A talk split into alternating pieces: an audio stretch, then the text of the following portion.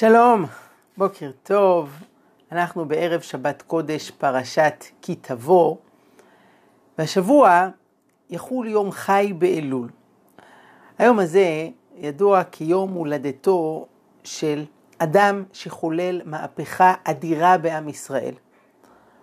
אדם שההשפעה שלו רק הלכה וגדלה עם השנים, והיום, 300 שנה אחרי מותו, גם מי שלא הלך בדרכו, היה חייב להגדיר את עצמו מחדש.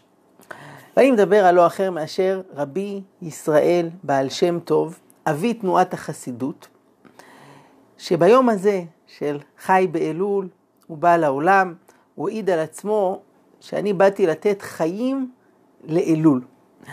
אנחנו ננסה בדקות הקרובות, במסגרת מבט לפרשה, לספר בקצרה את הסיפור של האיש המופלא הזה, ודרכו את סיפורה של תנועת החסידות על הצדדים השונים, הבשורה, המהפכה, ההתנגדות וההשלכות שלה על כולנו עד היום הזה.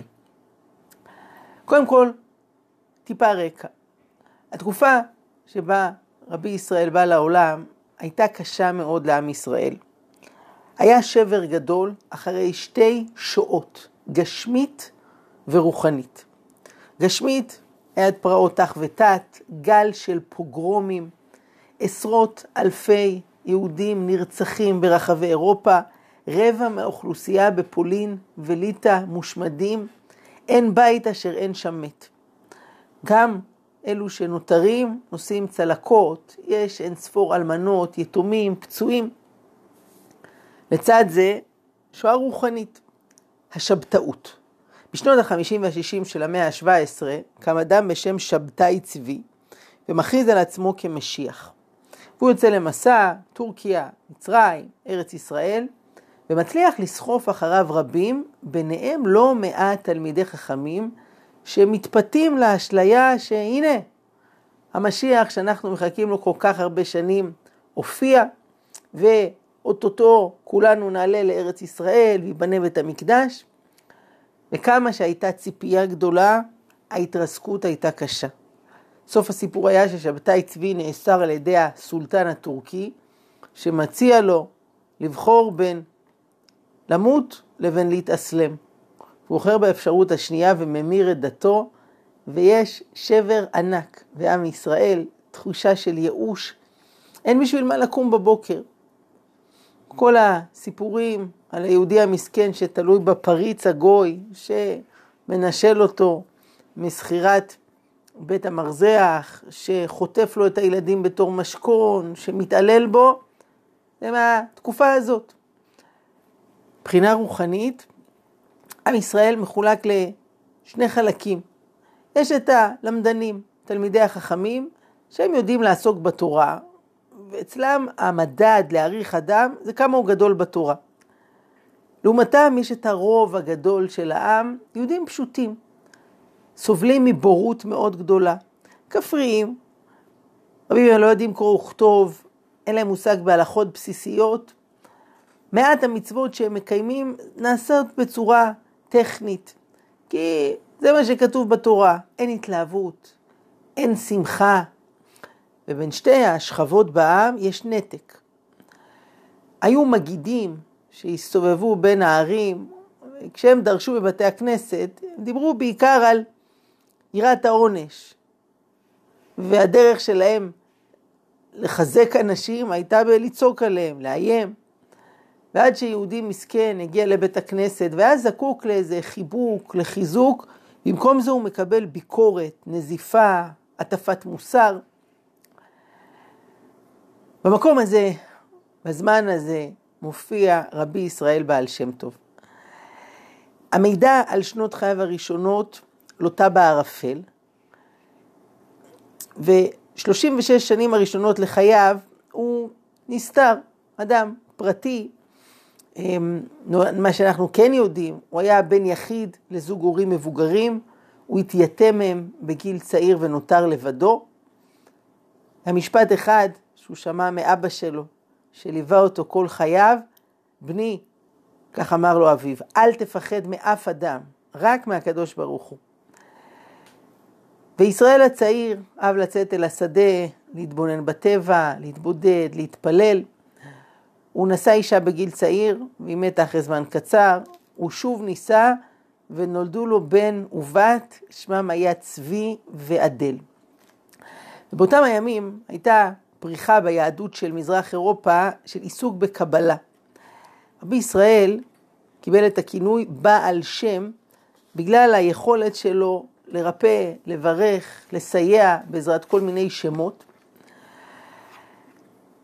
ובחג השבועות של גיל 36 הוא מתגלה ומתחיל לקבץ סביבו תלמידים ולהפיץ את תורתו. מה היא בעצם אומרת? מה הוא כתב לנו? מה נשאר לדורות? רבי ישראל לא השאיר אחריו ספרים. מה שנותר לנו זה ארבע איגרות וספרים של תלמידיו ושל תלמידיהם. הספר הראשון והיסודי נכתב על ידי רבי יעקב יוסף מפולנה, תולדות יעקב יוסף. ספר שלראשונה מנסח בכתב את היסודות של תורת החסידות. והתורה הזו פתחה להמונים צוהר לעולם חדש שלא היה מוכר להם. היא נתנה להם תקווה, שמחה. מה היסודות, מה העקרונות של תורת החסידות? נמנה חמישה. הראשון הוא רחמנה לי בבית.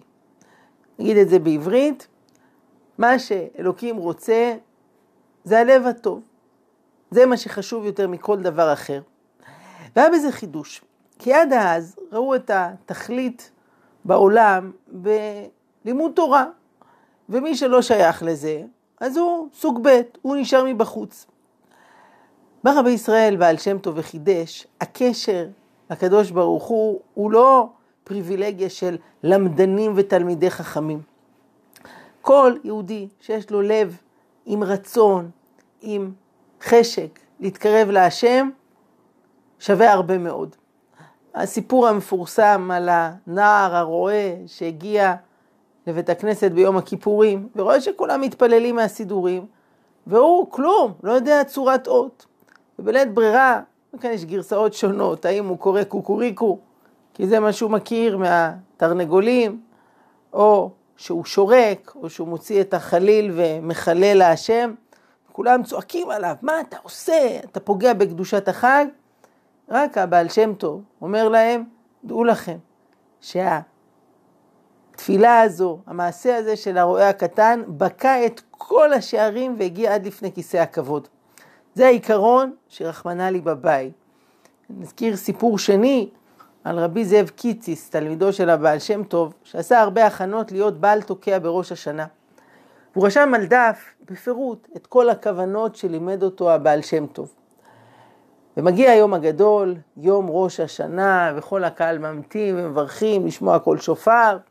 עלה אלוהים בתרועה, השם בקול שופר, והוא מכניס את היד לכיס כדי לשלוף את הדף של הכוונות, שיהיו לנגד עיניו כשהוא תוקע, והוא נחרד לגלות שהדף איננו.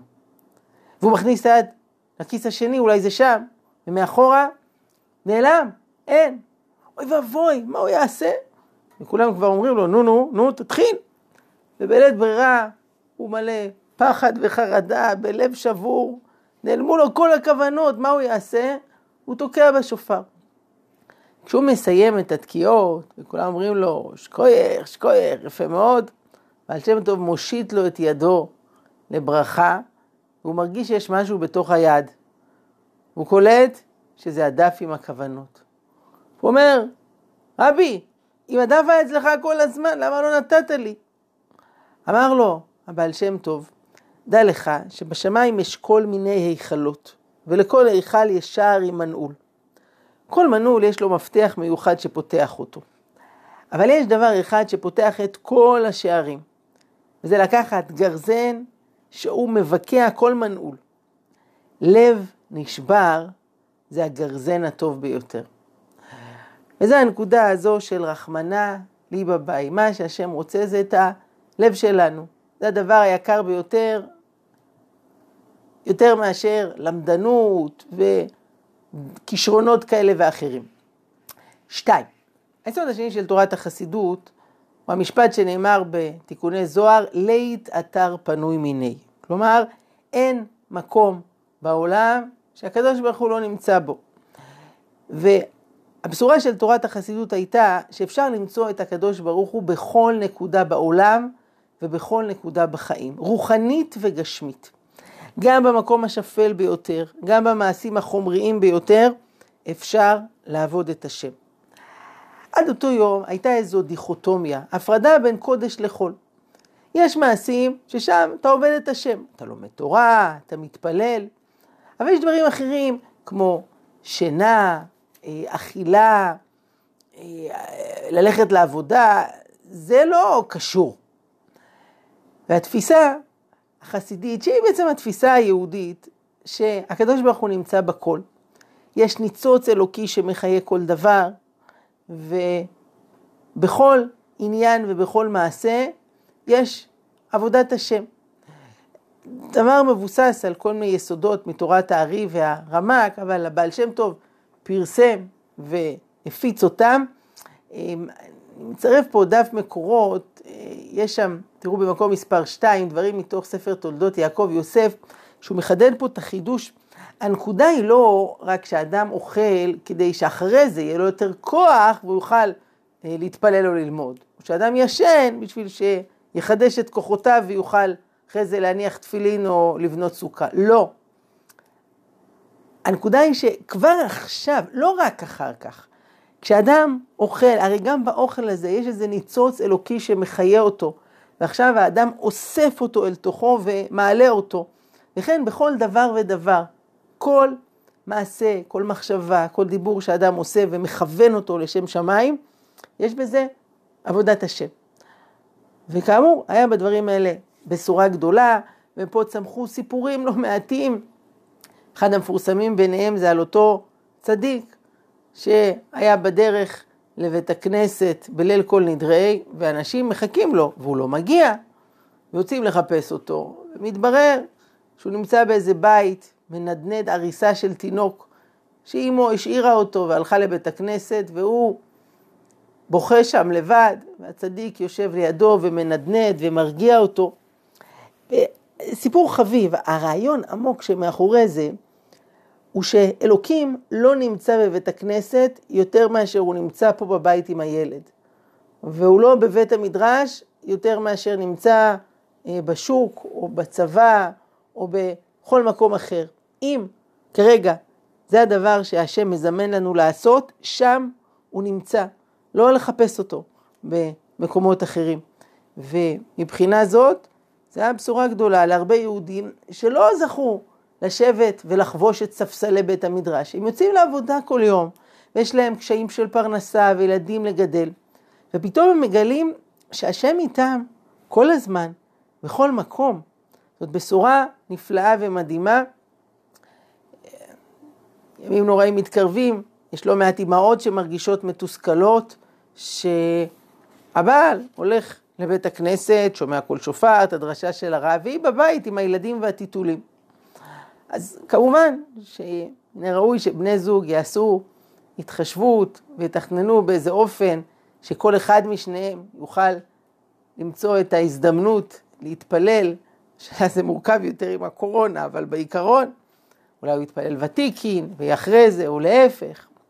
אבל גם אם לא מסתדר ולא יוצא, צריך לדעת שאלוקים לא נמצא בבית הכנסת עם השופר יותר מאשר הוא נמצא בבית עם הילדים והבישולים או כל מה שצריך לעשות. מה שמוטל עליי לעשות, אני עושה את זה לשם שמיים כמיטב יכולתי, השם נמצא שם איתי. היסוד השלישי, חברים יקרים, זה הצדיק. שימו לב, לא הרב, אלא הצדיק, איש אשר רוח בו. אדם קדוש, שאתה מנסה להידבק בו. זה אדם שלא רק עונה לך על שאלות בהלכה, אלא שהוא מדריך ומנחה מבחינה רוחנית, ואולי אפילו מבחינה גשמית. איש שבכוחו לחולל מופתים, צדיק גוזר והקדוש ברוך הוא מקיים, וכאן יש סיפורים בלי סוף על מופתים שעשו צדיקים ואדמו"רים. יש לציין שהיו גישות שונות כמה רחוק ללכת עם זה. כלומר, האם גם בעניינים גשמיים נטו, נכון לבוא ולבקש ברכה, עצה מהצדיק. רבי מקוצק, הוא היה בולט בזה שהוא נטע לצד השני, והוא היה גוער בכל מיני חסידים שהיו באים אליו, מה יש לי בעיות עם הפרה, והילדים, והפריץ. אמר, דברו איתי על עבודת השם, על רוחניות, לא על ה... מה לעשות עם הפרה עכשיו. ובכלל, היה פה גם חשש שיש כאן יותר מדי הישענות על הצדיק, ואדם הוא לא בעצמו ייקח אחריות ויקבל החלטות. בכל אופן, היסוד הזה של הצדיק, היה בזה דבר שנותן כוח להרבה יהודים. תראו כמה עכשיו רוצים לנסוע לאומן והצדיק כבר נפטר, אבל ההתחברות לשם נותנת להם תחושה של התרוממות והתחזקות, הקשר אל הצדיק. היסוד הרביעי הוא השמחה. התפיסה שהשמחה היא דבר חשוב מאין כמותו, ואפילו אם הוא יבוא באמצעים חיצוניים שיתדלקו אותו, שתייה, סעודה, ריקוד, זה בסדר, זה שווה את זה. ופה מתחבר לנו לפסוק מפרשת השבוע, בכל אופן קוראים לשיעור שלנו מבט לפרשה, אז לא, לא נאכזב. אומרת התורה, בפרשת הקללות, תחת אשר לא עבדת את השם אלוקיך בשמחה ובטוב לבב מרוב כל, ועבדת את אויביך. כלומר, עבודת השם הייתה צריכה להיות בשמחה, בטוב לבב, לא בדיכאון, לא כמצוות אנשים מלומדה. ממילא, אם השמחה כל כך חשובה, יש מקום להתרחק מכל מיני דברים שרק גורמים לצער, סגפנות, שזה הדבר נפוץ בימים ההם, אבל שם טוב אמר לא זו הדרך.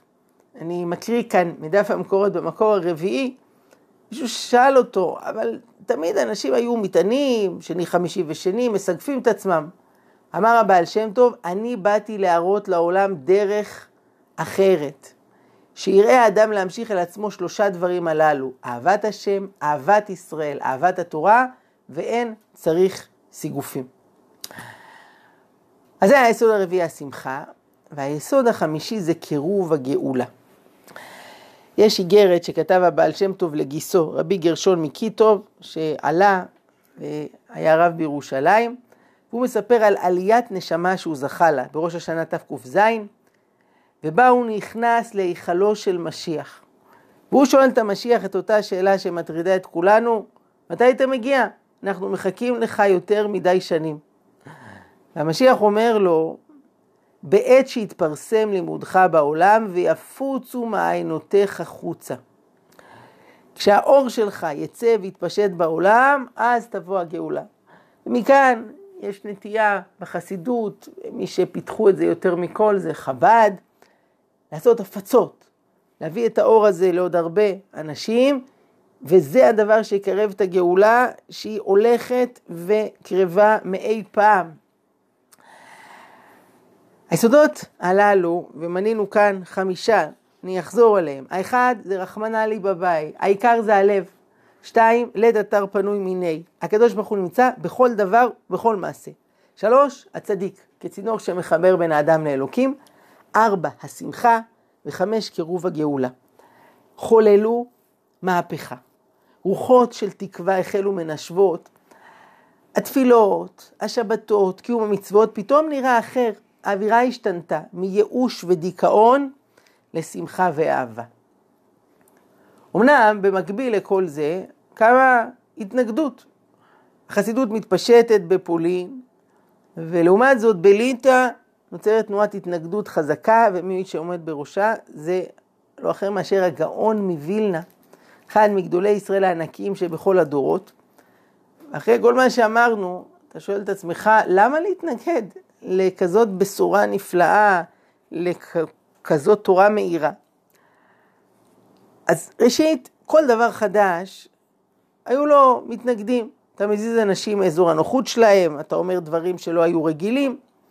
מעבר לכך היה חשש גדול. בפרט שעם ישראל עוד ליקק את פצעיו, היה מצולק ופגוע מהסיפור של משיח השקר שבתאי צבי. והיה חשש שהנה קם כאן משיח שקר נאמבר 2, שקוראים לו רבי ישראל בעל שם טוב, ומה גם שהיה דברים בחסידות שעוררו סימני שאלה, הדליקו אורות אדומים. למשל, הרי היה חשש של פגיעה בהלכה. כי כשאתה מדבר כל הזמן על זה שהעיקר זה הלב, אז מה קורה לגבי דברים שהם מאוד קצובים בזמן למשל? רק הלב הוא לא בעניין כרגע. אז מה, אתה תוותר עליו? נושא של זמני תפילות. אני לא אשכח, עשיתי ביקור בירושלים, הייתי בליל שבת בבית מדרש ענק של אחת החסידויות, חמשת אלפים איש. זו תפילה מדהימה. והגעתי תפילת מנחה של ליל שבת, אני רואה שלא מתחילים. אני שואל אחד החסידים, נו מה קורה עוד שנייה שקיעה?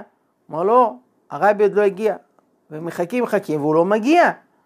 לא היה מנוס, ואני כבר התחלתי להתפלל, ואחרי איזה עשר דקות רבע שעה, השמש כבר גמרה לשקוע, פתאום הס הושלך באולם, הרבי הגיע. זה היה כמו קריאת ים סוף. אתה רואה מאות חסידים זזים ימינה, שמאלה, נוצר שביל באמצע, והרבי עובר, אשר יושבי ביתך, עוד ילוך הסלע, והתחיל תפילת מנחה בזמן שכבר אי אפשר להתפלל. אבל מבחינת החסידים, אין שאלה. עכשיו הרבי מגיע, התפילות עולות עד לשמיים. אז נתנו לזה כל מיני הסברים וצידוקים. מספרים על רב לייבה לאיגר, שהיה נכדו של רבי עקיבא איגר המפורסם, הלמדן הגדול, שנתפס, לא עלינו, לחסידות, ולמד אצל הרבי מקוצק. וכשהוא עמד לחזור, הוא שאל את רבו, מה אני אגיד לסבא שלי? הוא ישאל, איך זה שאתם החסידים עוברים על זמני תפילה שכתוב בשולחן ערוך, לא שומרים על הכללים?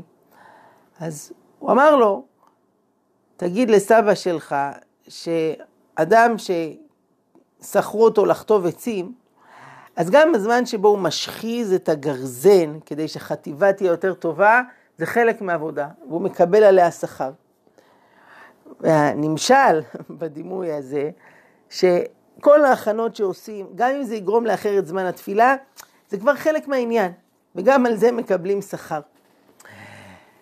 היה חשש נוסף שהחסידות תפגע בערך של לימוד התורה, כי אם אתה אומר שהעיקר זה הלב, אז ממילא הלמדנות היא פחות חשובה. היה חשש של טשטוש הגבול בין טוב לרע. אם אתה אומר שיש שכינה בכל מקום, אז אולי גם אצל רשעים, גם אצל חוטאים. שבתאי צבי לקח את זה רחוק, אה, הוא היה אומר ברוך מתיר איסורים, והרשה לעצמו כל מיני דברים שהם איסור גמור. היה חשש שאתה שם את הצדיק בתור מתווך בין השם לאדם, זה סוג של עבודת אלילים, אתה מייחס פה כוח מוגזם לבשר ודם. וגם טענה שלוקחים דברים מפנימיות התורה, מתורת הקבלה, וחושפים אותם החוצה. זה לא דבר ששייך להמונים. בכל אופן, היו מאבקים גדולים, חרמות, אה, מלחמות בין החסידים למתנגדים, והיום, ברוך השם, 300 שנה אחרי, מסכם הרב קוק את הדברים, ואומר, אפשר לראות ששתי התנועות השפיעו לטובה זו על זו. ההתנגדות קיבלה מהחסידות את המקום של הלב, של הכוונה, והחסידות, מהצד השני, התחזקה בשמירת ההלכה, אה, היא לא גלשה למקומות מוגזמים, ואם פעם לא היה, יעלה על הדעת שיהיה חתונות בין הצדדים השונים, היום כבר יש על מה לדבר. אבל שם טוב נפטר מן העולם בחג השבועות, אה, לפני כ-300 שנה. מי שהמשיך אותו זה היה תלמידו הגדול רבי דובר המגיד ממזריץ'. אה, במקביל אליו רבי מאיר מפרימישלן, רבי יעקב יוסף מפולנה, רבי נחום מצ'רנוביל ועוד. לבעל שם טוב עצמו היו שני ילדים, רבי צבי שלא רצה להיות אדמו"ר ובתו אדל שנולדה לבת ושמה פייגה, שידועה בתור אמו של רבי נחמן מברסלב, שהיה בעצם נינה בעל שם טוב. בדור השלישי לחסידות כבר יש התרחבות והתפצלות. למשל רבי אהרון מקרלין, שגם מי שלא מכיר את תורתו, ודאי שמע על קאי אחשוף, השיר שלו בליל שבת, רבי אלימלך ורבי זושה, רבי לוי יצחק מברדיצ'וב, רבי שניאור זלמן מילדי, בעל התניא ומייסד של חסידות חב"ד, ועוד ועוד. בקוצר הזמן לא נוכל לספר על המסע של הבעל שם טוב לארץ ישראל, כשרצה לפגוש שם את אור החיים הקדוש, תכננו ביחד להביא את הגאולה, והיו עיכובים וקטרוגים וזה לא יצא לפועל, ושני אלה לא נפגשו.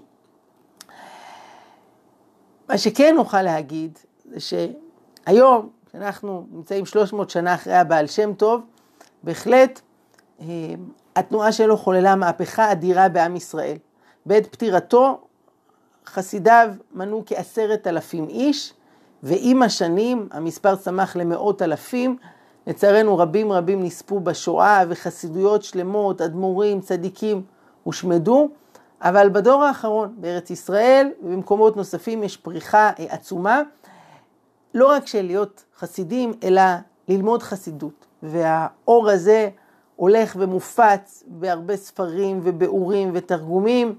אמ, גם דברים מאוד מונגשים, הרבה לומדים מנתיבות שלום על הפרשה ושפת אמת ורב צדוק ועוד ועוד. והכל התחיל, כאמור, ביום הזה של י"ח אלול שיחול השבוע, יום הולדתו של רבי ישראל בעל שם טוב. אז זכותו תגן עלינו ועל כל ישראל, ואנחנו אה, נחתום בזה. אני מצרף חברים יקרים, אה, קישור למפגש מוצ"ש בתשע וחצי, מתכוננים ביחד לשנה החדשה, וביום אה, שני הקרוב, מפגש מיוחד להורים בנושא איך לדבר עם ילדים על צניעות ומיניות, נושא חינוכי חשוב ביותר, הרבה תובנות וכלים, אז יש קישור להרשמה. שיהיה לכם שבת שלום ומבורך ושנה טובה ומתוקה לנו ולכל ישראל, להתראות.